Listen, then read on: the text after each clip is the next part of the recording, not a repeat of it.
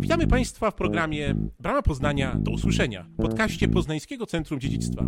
Zabierzemy Państwa w podróż przez dzieje Poznania i jego mieszkańców. Wszystkie odcinki można znaleźć na stronie bramapoznania.pl i w popularnych serwisach podcastowych. Zapraszamy.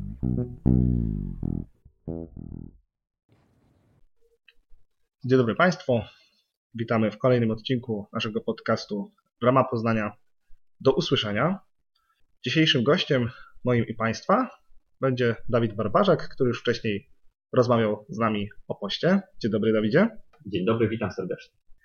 Dzisiaj temat już myślę może trochę przyjemniejszy niż post. Temat, który na pewno będzie się nam bardzo kojarzył z wakacjami, z latem, czyli podróże. Wszelkiego rodzaju podróże, które odbywali mieszkańcy Ostrowa Tumskiego na przestrzeni dziejów, podróżnicy, którzy przyjeżdżali być może tutaj na Ostrów Tumski, myślę, że też gdzieś się nam pojawią. I tak myślę na początek, żeby jakoś to ugryźć, rozpocząć, to oczywiście idziemy do najdawniejszych czasów, czyli najstarszych jakichś form podróży, co sprawiało, że nasi przodkowie tu na Ostrowie Tumskim na przykład opuszczali swoje domy. Zakładam, że taka turystyka, jaką znamy obecnie, to raczej w grę nie wchodziła.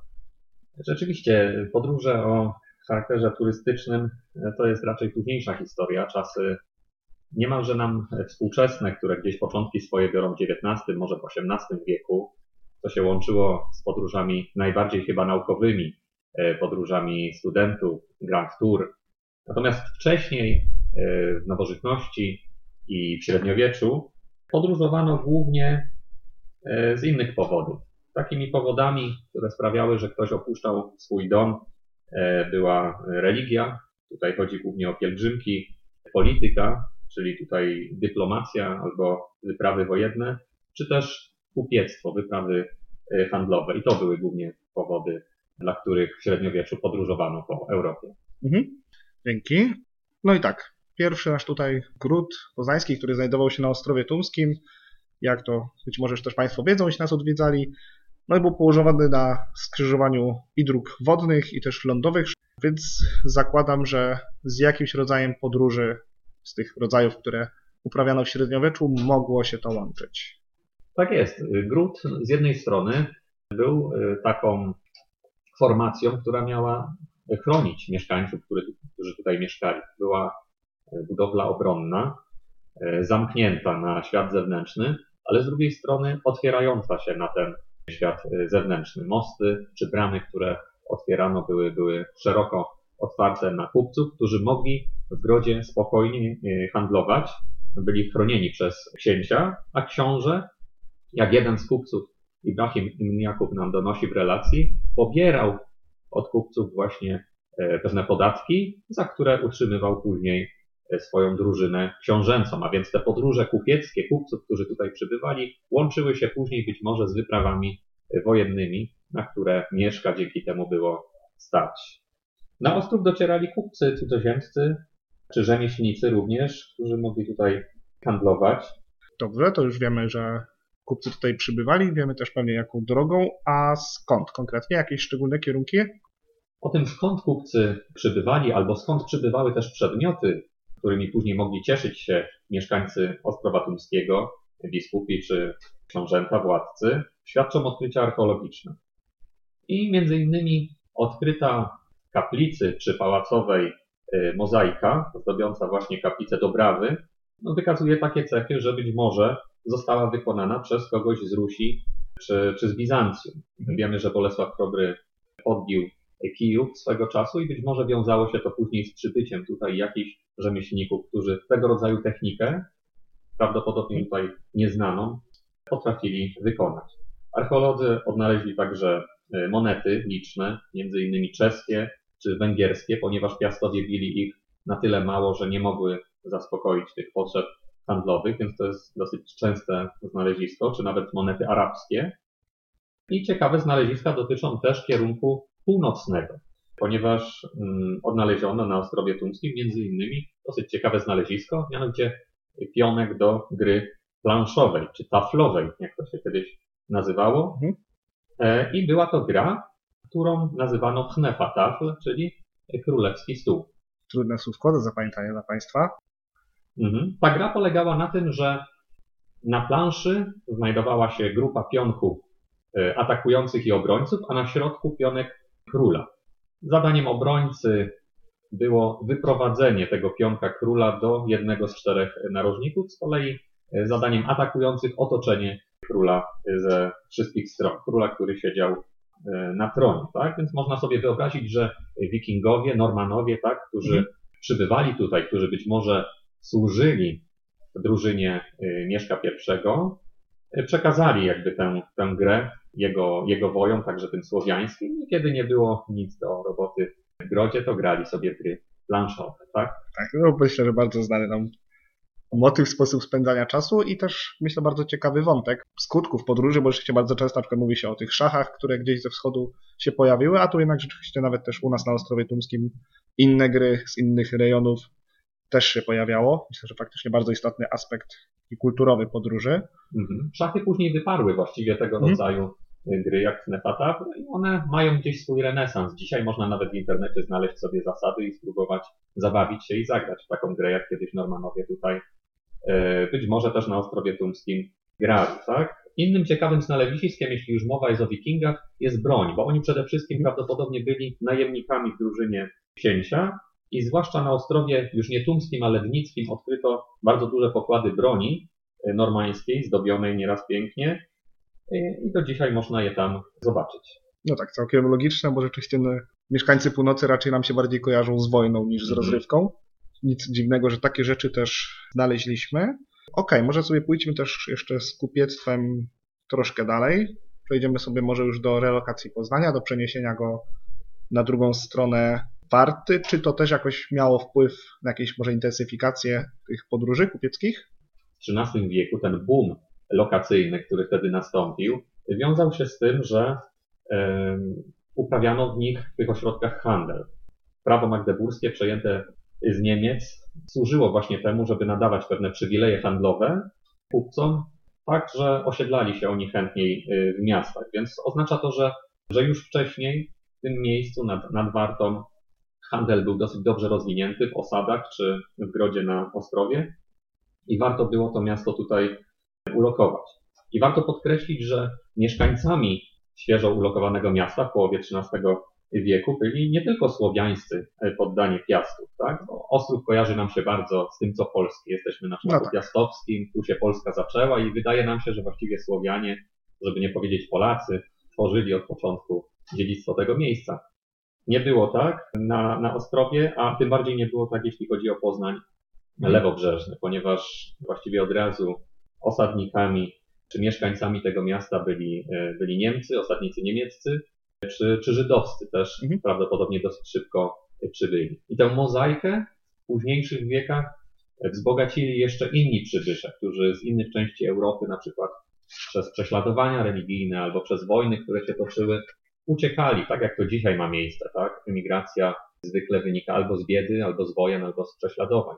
Więc pojawili się tutaj ludzie wygnani przez wojny chłopskie w Niemczech, mhm. wygnani przez Turków z Grecji albo z Krymu, kupcy na przykład genueńscy, którzy nad Morzem Czarnym gdzieś rezydowali, później po zajęciu tych różnych ziem przez Turków tutaj e, przybywali. Więc poza Niemcami, Żydami pojawili się Włosi, pojawili się Grecy, e, mhm. pojawiły się też inne nacje, bracia czescy chociażby, też prześladowani, wygnani.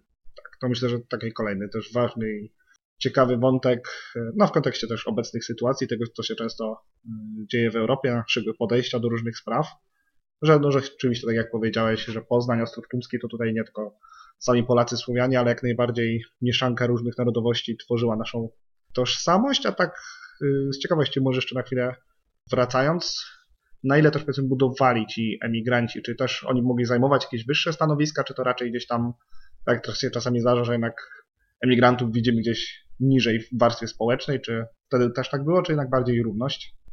Rzeczywiście dzisiaj często jest tak, że ta zazdrość, która się pojawia, że zabiera się pracę, jest bezzasadna, ponieważ najczęściej e, emigranci e, zabierają pracę, która jest brudna, która jest niebezpieczna, albo która jest żmudna. Tak? To jest taka zasada trzy razy D. Dirty, dangerous and dull. E, tak mi się wydaje, jeśli dobrze. Może tak, przyznaję, że nie znam, ale bardzo Natomiast logicznie. Natomiast pytasz o przeszłość i y, rzeczywiście mieszczaństwo, społeczeństwo dawniej było, było stanowe, tak? Więc jeśli ktoś urodził się w stanie mieszczańskim, no to często zdarzało się, że, że w nim umierał, chociaż czasami mógł być nobilitowany, przejść do szlachectwa y, z różnych powodów. Natomiast warto wspomnieć, że y, istniała dosyć silna wymiana między miastami kupieckimi, E, między innymi Poznaniem i na przykład Norymbergą. Mhm. I zdarzało się, że jakiś kupiec z Norymbergi przyjeżdżał do Poznania, rozwijał tutaj swoje e, interesy i nawet mógł zostać burmistrzem. Tak? Są takie przypadki. Hmm, zdarzało się? Miał Poznań niemieckiego burmistrza kiedyś może? Tak, jeśli, jeśli weszlibyśmy sobie teraz w poczet niemieckich, poznańskich burmistrzów, mhm. tak, no to w XVI wieku Y, niektóre, niektóre osoby rzeczywiście urodziły się w Norymberdze, a, a później związały się z Poznaniem. Czy w XIX wieku mieliśmy też przypadek burmistrza żydowskiego, ale to nie był przybysz, to, to byli ludzie już często też od wieków osiad, osiadli tutaj mhm. Y, w Poznaniu. Warto zapamiętania też na pewno. Dobrze, może tak, czy te pamiątki, które nam tu kupcy, o których póki co mówimy, sprowadzali, czy to wszystko było zawsze tylko materialne rzeczy, typu właśnie ta wspomniana już broń, monety, gry planszowe, czy może też coś innego, może na przykład ta szeroko pojęta wiedza o świecie też tutaj. Jak najbardziej. Można sobie wyobrazić, że e, osoby tutaj na Ostrowie Tumskim chciały dowiedzieć się, z jakich to krajów przyjechali do nich kupcy i jak wyglądają te kraje, te ziemie, z których przybyli. I tak samo kupcy byli na pewno zainteresowani tym, aby wypytać, jak wyglądają tutaj e, warunki, jak wyglądają obyczaje, jak wygląda władza, co dzieje się na ziemiach, na które e, przybyli i później te informacje zawozili na obce dwory, do obcych grodów w Europie. Więc ta wymiana myśli, wymiana wiadomości dzisiaj mająca miejsce poprzez słowo pisane, poprzez wideo, tak, wtedy odbywała się w dużej mierze przez, przez kupców i trzeba było po prostu tych ludzi posyłać, czy posłańców, czy właśnie kupców przy, E, przy okazji. Tak? tak samo można wspomnieć, że dzisiaj mamy statki pasażerskie. Dawniej, mam na myśli już średniowiecze mhm. czy renesans, wsiadano często na statek handlowy i tak. jechano na przykład do Ziemi Świętej, tak? Mhm. Powiedzmy. Więc to, to, się tutaj bardzo łączyło. No ale mamy przykład konkretny. Nie trzeba nawet tylko... spodziewam jaki, pewnie ten słynny człowiek z Hiszpanii. Tak jest. Mamy tutaj e, Ibrahima Ibn Jakuba, żyjącego w czasach e, Mieszka I, który był żydowskim kupcem żyjącym rzeczywiście w Hiszpanii, ale trzeba pamiętać, że arabskiej e, w tamtym czasie, e, który podróżował w swoim życiu do wschodniej Europy na dwór Ottona I. Na pewno gościł w Pradze. Mhm. Do Wielkopolski z pewnością nie dotarł, ale wypytywał o, o tę ziemię i bardzo wiele w swojej relacji o państwie Mieszka I wspomniał. Jego trasa prawdopodobna, jaką przebył w tej podróży, wiodła z Kordoby do Irlandii, później przez Niderlandy, północną Europą, przez Moguncję do Pragi, prawdopodobnie zahaczała o Kraków i później na południe do Sycylii. Co robił Ibrahim w tej części Europy? No proceder dość niechlubny, bo wygląda na to, że handlował niewolnikami. Istniał taki proceder, kiedy to właśnie wysłannicy arabskich arabskich dworów sprowadzali niewolników e, ze wschodu Europy i później e, ludzie ci e, trafiali czy to na Półwysep Iberyjski właśnie, czy na Bliski Wschód. I tutaj ciekawostka, mm, angielskie słowo slave, czy mhm. hiszpańskie esclavo właśnie prawdopodobnie wyraża to, że niewolnicy dawniej byli słowiańskiego pochodzenia. Oczywiście tych ludzi nie łapano z osad, tak? Czy na, na ulicy można powiedzieć. Można, można się domyślać, że to byli jeńcy po prostu sprzedani. Mhm. E, co, co wcale nie, e, jakoś nie usprawiedliwia tego procederu, bo jesteśmy już w czasach, kiedy szerzyło się chrześcijaństwo i e, tego rodzaju rzeczy były przez duchownych krytykowane. Na drzwiach gnieźnieńskich, mhm. jeśli przyjrzymy się jednej z kwater, mamy właśnie taką scenę, kiedy biskup Wojciech mhm. karci czeskiego króla za to, że właśnie w Pradze dochodziło do handlu niewolnikami. Praga właściwie była największym centrum tej mhm. części Europy, gdzie niewolnikami e, handlowano.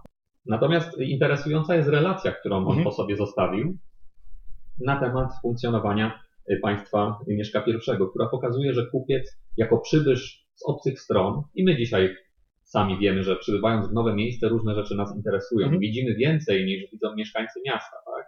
Ktoś przyjeżdża do Poznania i widzi różne rzeczy, których my na co dzień już na przykład nie zauważamy. Można sobie wyobrazić, że Ibrahim też był zainteresowany i wypytywał właśnie na dworze, jak to państwo mieszka wygląda. Dowiedział się między innymi to właśnie, że drużyna mieszka jest utrzymywana między innymi z podatków za kupiectwo, które książę pobierał.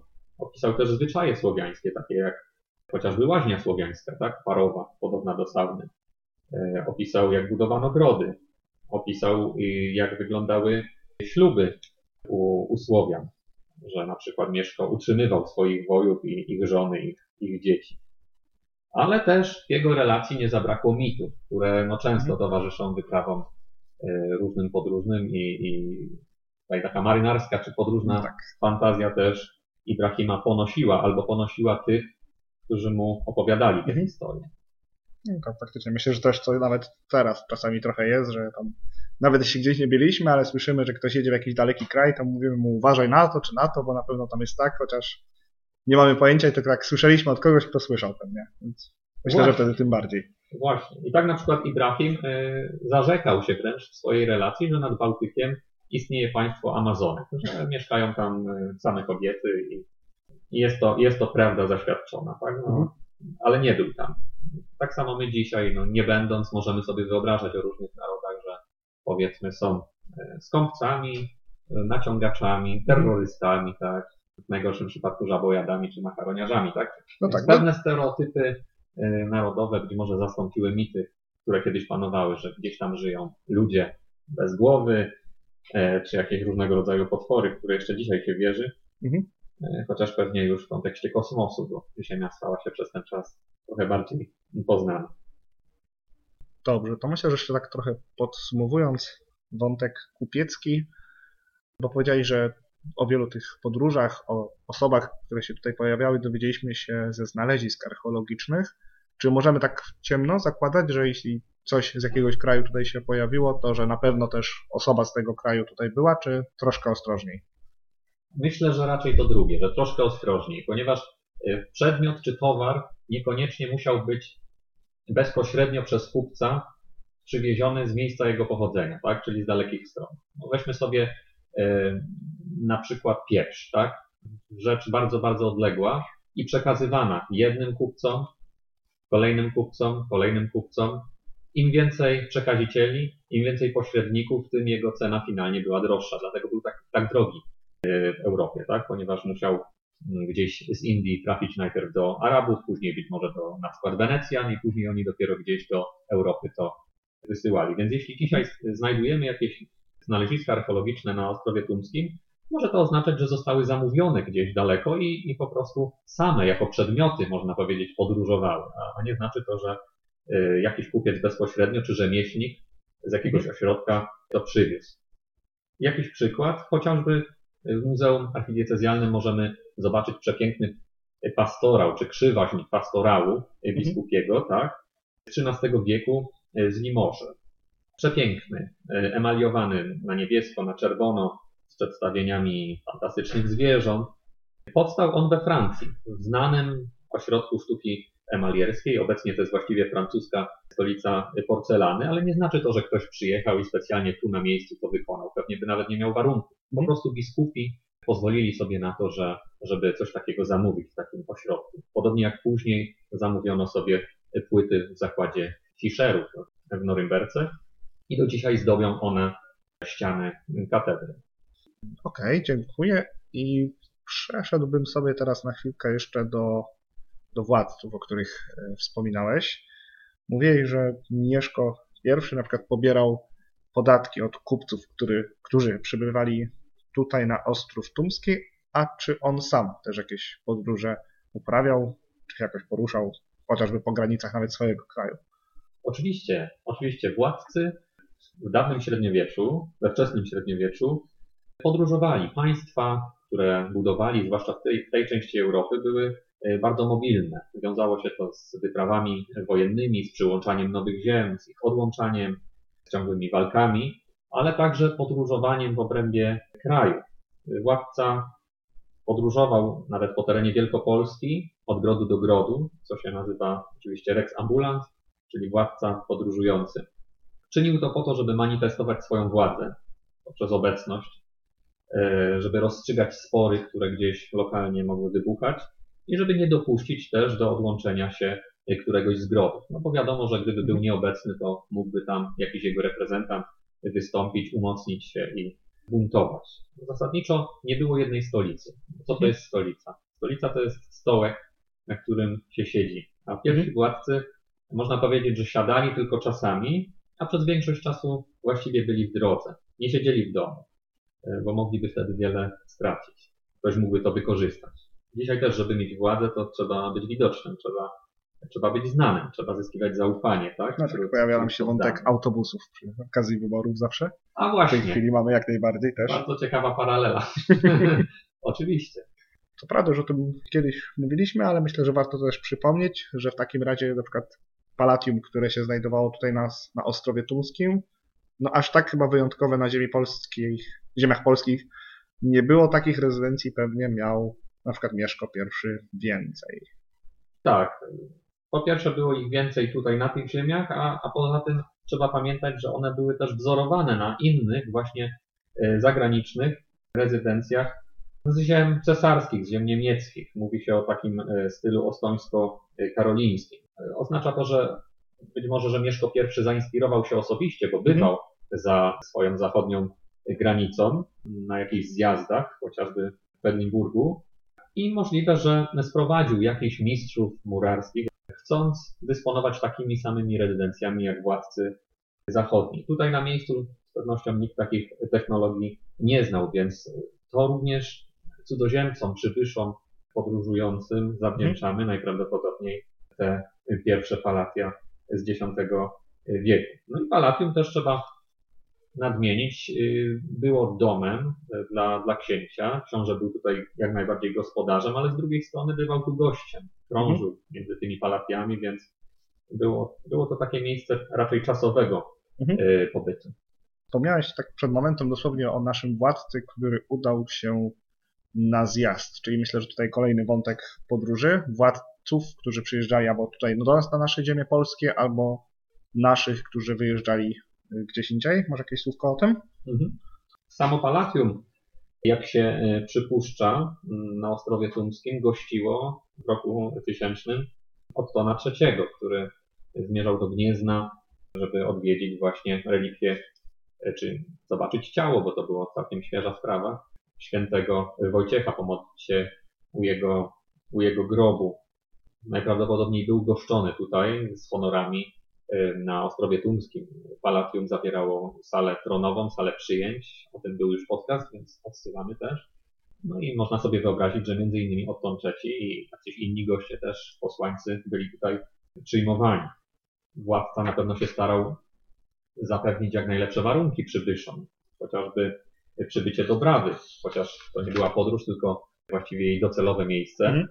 Wyrazem takiej troski gospodarza o to, żeby przybyszowi było dobrze, była budowa kaplicy, która być może rozpoczęła się jeszcze przed przyjęciem chrztu. To dla niej Mieszko starał się stworzyć te dobre warunki pobytu, tak? W tym przypadku religijne pewnie.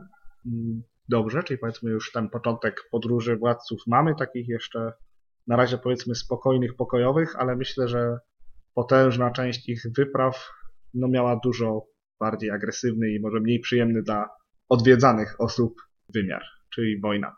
Tak, wyprawy wojenne to jest jeden z, z wielkich filarów e, mobilności średniowiecznej, agresywnej, ale też obronnej nieraz, bo to nieraz mhm. agresor e, mógł pojawić się na granicach i trzeba było go odeprzeć, tak czy inaczej, no, mowa o wojnie. Trzeba podkreślić, że podstawą gospodarki Piastów było jednak rolnictwo, a więc e, osiadłość, tutaj działalność pokojowa, ale wojna, każda wyprawa wojenna, zwłaszcza zwycięska oczywiście, wiązała się z łupami, tak? Mhm. To był swoisty rodzaj pamiątki, można powiedzieć, z takiej podróży, którą no tak. E, później wojowie czy władcy sobie przywozili. Trofeum, tak? E, jakaś broń, jakieś kosztowności. No my dzisiaj też lubimy w domach eksponować pamiątki z podróży wieszać sobie jakieś, jakieś rzeczy egzotyczne albo chwalić się zdjęciami chociażby no tak, no my w internecie. Może jakiś gustowny talerzyk kupiliśmy, a nasz przodek wyrwał go z jakiejś chaty, prawdopodobnie, ale mhm. cel ten sam. Tak, przywiózł sobie. Ta wojna łączyła się czy to z zabraniem jakiejś ziemi, czy utrzymaniem jej, czy czasami też z wzięciem właśnie jeńców, o których już wspominaliśmy, którzy, Mhm. którzy mogli pracować, mogli też być wcieleni do wojska albo mogli być sprzedani. Mieszko I y, znacznie poszerzył dzięki tym wyprawom wojennym swoje terytorium, mniej więcej do tych wymiarów, które kraj ma teraz. Chociażby zdobył Kraków, zdobył Małopolskę i Śląsk pod, pod koniec swojego życia, ale wiele lat przede wszystkim spędził na walkach i wyprawach na zachód, w okolice Odry, gdzie walczył z pogańskimi e, wieletami. W tych walkach stracił m.in. swojego brata. Później po ślubie z Dobrawą ten sojusz z Czechami sprawił, że udało się Wieletu zwyciężyć i zabić e, takiego buntownika, wroga cesarza niemieckiego, Wichmana. To był 967 rok, czyli już po chrzcie, ale jeszcze przed utworzeniem biskupstwa na Ostrowie Tumskim. I podejrzewa się, że ta wyprawa wojenna y, Mieszka I, zwycięska, przyczyniła się do tego, że właśnie już rok później powstało tutaj biskupstwo na Ostrowie Tumskim. Dlaczego? Dlatego, że cesarz akurat przebywał w Rzymie, Mhm. Mieszko wysłał miecz czy broń pokonanego wroga cesarza, cesarz się ucieszył, jeśli pamiętam dobrze, było Boże Narodzenie, więc ciekawy prezent otrzymał, tak? Porozmawiał z papieżem i papież postanowił wysłać biskupa misyjnego najprawdopodobniej i utworzono biskupstwo pierwsze polskie w Poznaniu. Więc y, no ta wyprawa, wyprawa wojenna tutaj odniosła duży, duży Mhm. wpływ na, na dziedzictwo Ostrowa Tumskiego. No i Tak dosyć- przekornie możemy proszę powiedzieć, że Mieszko swoje chrześcijaństwo udowodnił raczej mieczem niż dobrym uczynkiem. No ale myślę, że mrugnięcie okiem, że bardziej tu polityka raczej będzie wchodziła w grę. Oczywiście, polityka i religia tutaj bardzo się przeplatały. Te biskupstwa, które później powstawały na piastowskich ziemiach, prawdopodobnie pomagały też w lepszej administracji państwa. Później miały miejsce też inne wyprawy, słynna bitwa pod Cedynią. Mhm. To była już wyprawa też obronna. Y, Państwo zostało zaatakowane i chodziło o utrzymanie Pomorza, które było zależne od Piastów i bardzo dochodowe. Mhm. Y, Znowu wchodzimy tutaj w kupiectwo, bo wyspa Wolin, port w Wolinie był najbogatszym wtedy portem nad Bałtykiem, więc y, przynosił duże dochody, a Mieszko uzależnił od, Mhm. od siebie Wolinę. No i znowu udało się wroga pokonać, co się wiązało z kolejną podróżą Mieszka, dosyć ciekawą, do Kwedlinburga. 973 rok po bitwie, gdzie cesarz już osobiście starał się uregulować te stosunki trochę niebezpieczne na granicy między Piastami Mhm. i tymi Pomorzanami. Tutaj wiązało się to jeszcze z kolejną y, podróżą, mianowicie w wyniku tego zjazdu w Kwedlinburgu Bolesław Chrobry został zakładnikiem cesarza Mhm. jako gwarant tych umów, tego pokoju i pewien czas spędził na dworze obcego władcy. I to było dosyć typowe w średniowieczu, że gwarantem takiego sojuszu No tak, czy jakiejś umowy było branie zakładnika, dziecka, Mhm. który niekoniecznie źle się czuł, oczywiście nie trafiał do lochu, tylko był z honorami przyjmowany i wychowywany i na obcym dworze mógł się czegoś nauczyć, chociażby języka czy, czy obyczajów dworskich.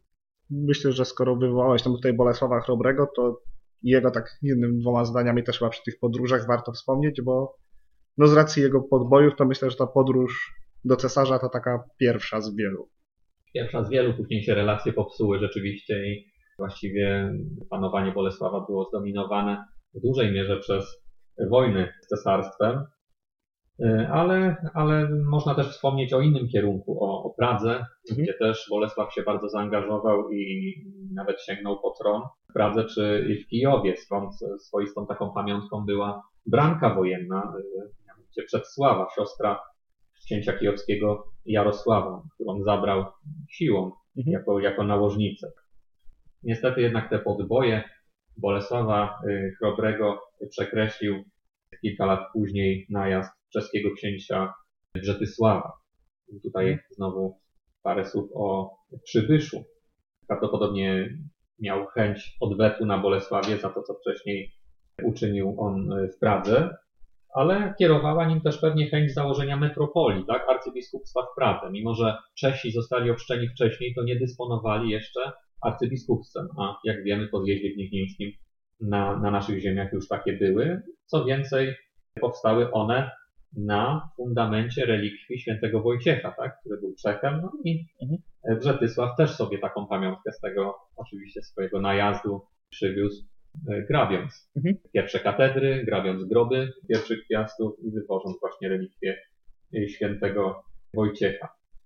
Prawdopodobnie zabrał też jeńców. Tutaj taka ciekawostka, że mieszkańcy grodu w Gieczu Wielkopolskim zostali przeniesieni przez niego do osady, która nazywa się Ketczany, od właśnie czeskiej nazwy Giecza, Kedecz.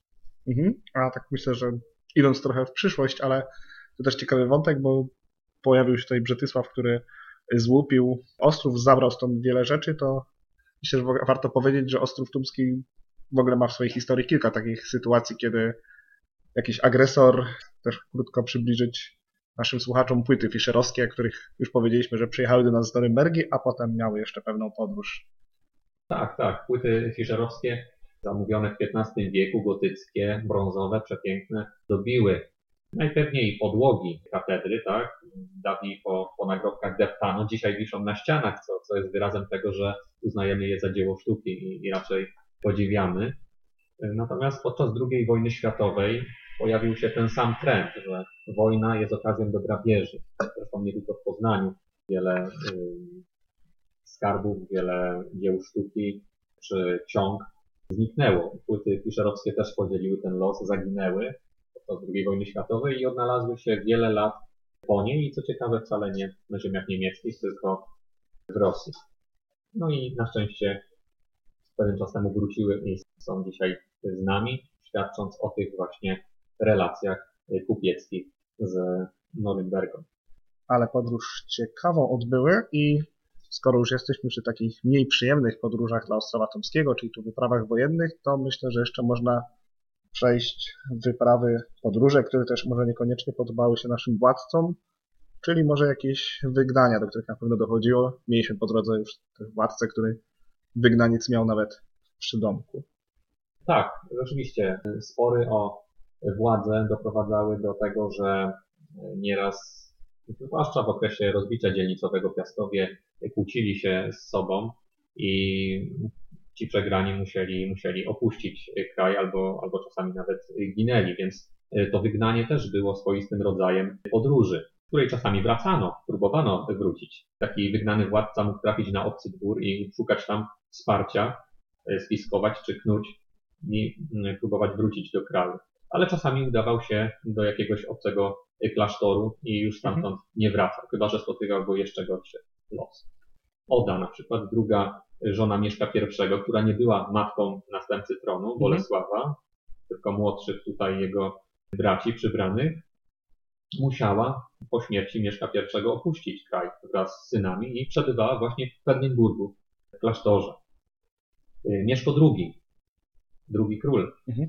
udał się na wygnanie do Czech, no i niestety został tam pojmany i wykastrowany, jak jeden z kronikarzy przytacza, tak? Kazimierz Odnowiciel, jego syn, e, również przebywał za, za granicą, na Węgrzech, a potem szukał też pomocy w cesarstwie. I takich historii można by przytoczyć, przytoczyć więcej. Wojna pociągała za sobą wygnania. Dobrze, pojawiają się nam tutaj już y, wygnania, wojny, czyli rzeczy bardzo związane ze średniowieczną i nie tylko polityką. Polityką, która też na pewno wiązała się z podróżami, którymi też już trochę tutaj wspomniałaś, jak na przykład Bolesław Chrobry y, jako zakładnik. Czy coś byśmy tutaj jeszcze dalej, jakieś formy podróży związane może z jakimś zawiązywaniem sojuszy, bardziej pokojową polityką niż wojna poszukali? Mogę o czymś powiedzieć? No myślę, że jedną z, z najbardziej powszechnych form zawiązywania sojuszy były sojusze dynastyczne, czyli wiązały się one z podróżami, czasami z podróżami w jedną stronę, ale nie zawsze, córek czy sióstr y, jednych władców na obce dwory. I jeśli spojrzymy sobie teraz w poczet polskich władców, no to zobaczymy, że w większości piastowie rzeczywiście brali sobie za żony kobiety e, obcego pochodzenia. I tak Mieszko I chociażby miał żonę Czeszkę, jak wiemy, a drugą Niemkę z Marchi Północnej. Jeśli spojrzymy na Bolesława Chrobrego, no to też miał dwie żony pochodzące z Miśni, między innymi. Kazimierz Odnowiciel z kolei ze wschodu, tak? Marię Dobroniegę, czyli córkę księcia kijowskiego. Bolesław Pobożny z kolei miał y, żonę pochodzącą z Węgier, błogosławioną Jolentę. A dosyć ciekawy przykład wiąże się tutaj z Poznaniem z Przemysłem II. Jedną z jego żon była Ryksa, pochodzenia czeckiego. Jeśli dzisiaj wejdziemy do kaplicy królewskiej w katedrze i popatrzymy na monumentalny, dwudziestowieczny nagrobek obu przemysłów, znajdziemy tam także wizerunek y, Ryksy, a nad nią znajduje się wyobrażenie łodzi, czyli środek transportu, którym przybyła tutaj właśnie przez Bałtyk drogą morską do Przemysłu. Ciekawostką jest to, że w 1295 roku, kiedy Przemysł koronował się, do Europy wracał właśnie Marco Polo, więc mamy tutaj już do czynienia no, z, z dosyć odległymi podróżami mhm. E, w Europie. Dobrze, a skoro myślę mowa o politykach, o polityce, o sojuszach, no to na pewno pojawić nam się muszą tutaj postaci dyplomatów, czyli osób, które bardzo pewnie często tymi sprawami się y, zajmowali, podróżowali. Nie zdziwię się, jeśli niektórzy z nich pewnie więcej niż przeciętny nawet w tej chwili człowiek. Jakieś przykłady takich osób? Jak najbardziej. I z Ostrowem o tyle dyplomaci się wiążą, że bardzo często w dawnych czasach, w średniowieczu i jeszcze później dyplomatami zostawali biskupi, osoby wykształcone, osoby znające łacinę, która była językiem urzędowym przez długi czas, czy jakieś inne języki obce. Można wymienić parę przykładów. W XV wieku na przykład biskupem poznańskim był e, Andrzej Łaskarz. To były czasy Władysława Jagieły i jak można się domyślić, posłował do papieży w sprawie łamania pokoju toruńskiego, czyli w sprawach krzyżackich, czy na Sejm Rzeszy we Wrocławiu, czy brał udział w tej samej sprawie w słynnym Soborze Konstancji. Innym dyplomatą był Jan Lubrański, dyplomata Zygmunta Starego. Witał on na przykład królową Bonę w Ołomuńcu, która przyjeżdżała właśnie, żeby poślubić polskiego władcę. Trochę późniejszy od niego biskup Adam Konarski, ten, który sprowadził jezuitów do Poznania z pięknym nagrobkiem zdobiącym dzisiaj naszą katedrę, również był wielkim dyplomatą. Między innymi udawał się do papieża, składał mu posłuszeństwo, czyli obediencję w imieniu króla. To był zwyczaj, który praktykowano jeszcze długo. Po wyborze nowego papieża czy króla trzeba było takiego posła wysłać. Przystarał się e, później o odzyskanie spadku po królowej wonie, czyli tak zwanych sum neapolitańskich. I posłował ponownie do Rzymu, do Neapolu, e, żeby te kwoty odzyskać. Posłował też do Paryża, gdzie królem obrano Henryka Walezego. I takich dyplomatów wśród biskupów było więcej. Jeszcze w XIX wieku bardzo ciekawym przykładem jest Mieczysław Halka-Leduchowski, późniejszy prymas, kardynał, który bardzo wiele lat spędził y, w Rzymie, był właściwie dyplomatą watykańskim, posłował do Portugalii, do Hiszpanii w sprawach y, właśnie watykańskich, a później kilka lat spędził w Ameryce Południowej. Państwo, do którego trafił, nazywało się wtedy Republika Nowej Grenady. To są dzisiaj osobne państwa: Boliwia, Ekwador, Kolumbia, Peru, Wenezuela, czyli północna część Ameryki Południowej. Wypłynął oczywiście statkiem Francji, z Hawru. Trafił się jako nuncjusz papieski e, na miejsce, zajmował się mhm. organizacją misji chociażby w tym kraju.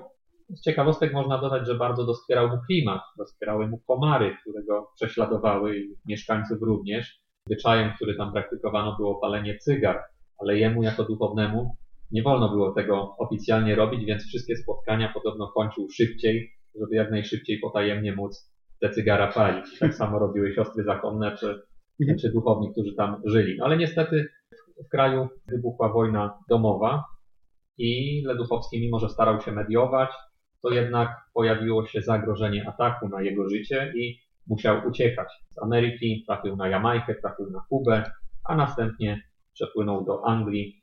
Po jakimś czasie wykorzystał te doświadczenia dyplomatyczne, był bardzo ceniony, bardzo szanowany i kiedy mianowano go prymasem, którzy wtedy rezydowali w Poznaniu, mhm. wykorzystał te swoje doświadczenia dyplomatyczne w kraju, no gdzie też sytuacja była dosyć napięta, bo Kościół miał swoje interesy, mieszkańcy miasta swoje interesy, a pruska władza swoje, więc wkrótce przyszło mu godzić te, te właśnie e, interesy trzech zwaśnionych stron. Mhm. Tak, skoro już pojawiło się tutaj teraz dużo biskupów, którzy podróżowali, to myślę, że to też nas skłania do wątku podróży religijnych, ale o tym, drodzy Państwo, myślę, że porozmawiamy sobie już w następnym odcinku. Zgodzisz się, Dawidzie? Tak jest. E, mówiliśmy sobie o kupiectwie, mówiliśmy sobie o wojnach i o polityce, natomiast e, wyprawy religijne, wyprawy biskupów duchownych czy wyprawy naukowe to są dwa osobne tematy, które można omówić innym razem. Doskonale. To w takim razie, jeśli podobało się Państwu, są Państwo zaciekawieni tym, co Dawid odpowiadał, no to zachęcamy do śledzenia nas i odsłuchania kolejnego odcinka, w którym porozmawiamy sobie o tych formach podróży, które przed chwilą Dawid wymienił. A w tej chwili za dzisiaj bardzo Państwu y, dziękuję za uwagę. Dziękuję Ci, Dawidzie, za rozmowę. Dzięki. Do usłyszenia Państwu. Dziękujemy za uwagę i odsłuchanie naszej audycji. Przypominamy, że wszystkie odcinki można znaleźć na stronie bramapoznania.pl i w popularnych serwisach podcastowych. Zapraszamy także do obejrzenia naszych filmów dostępnych na kanale Bramy Poznania w serwisie YouTube. Brama Poznania, do usłyszenia. Do usłyszenia. Do usłyszenia.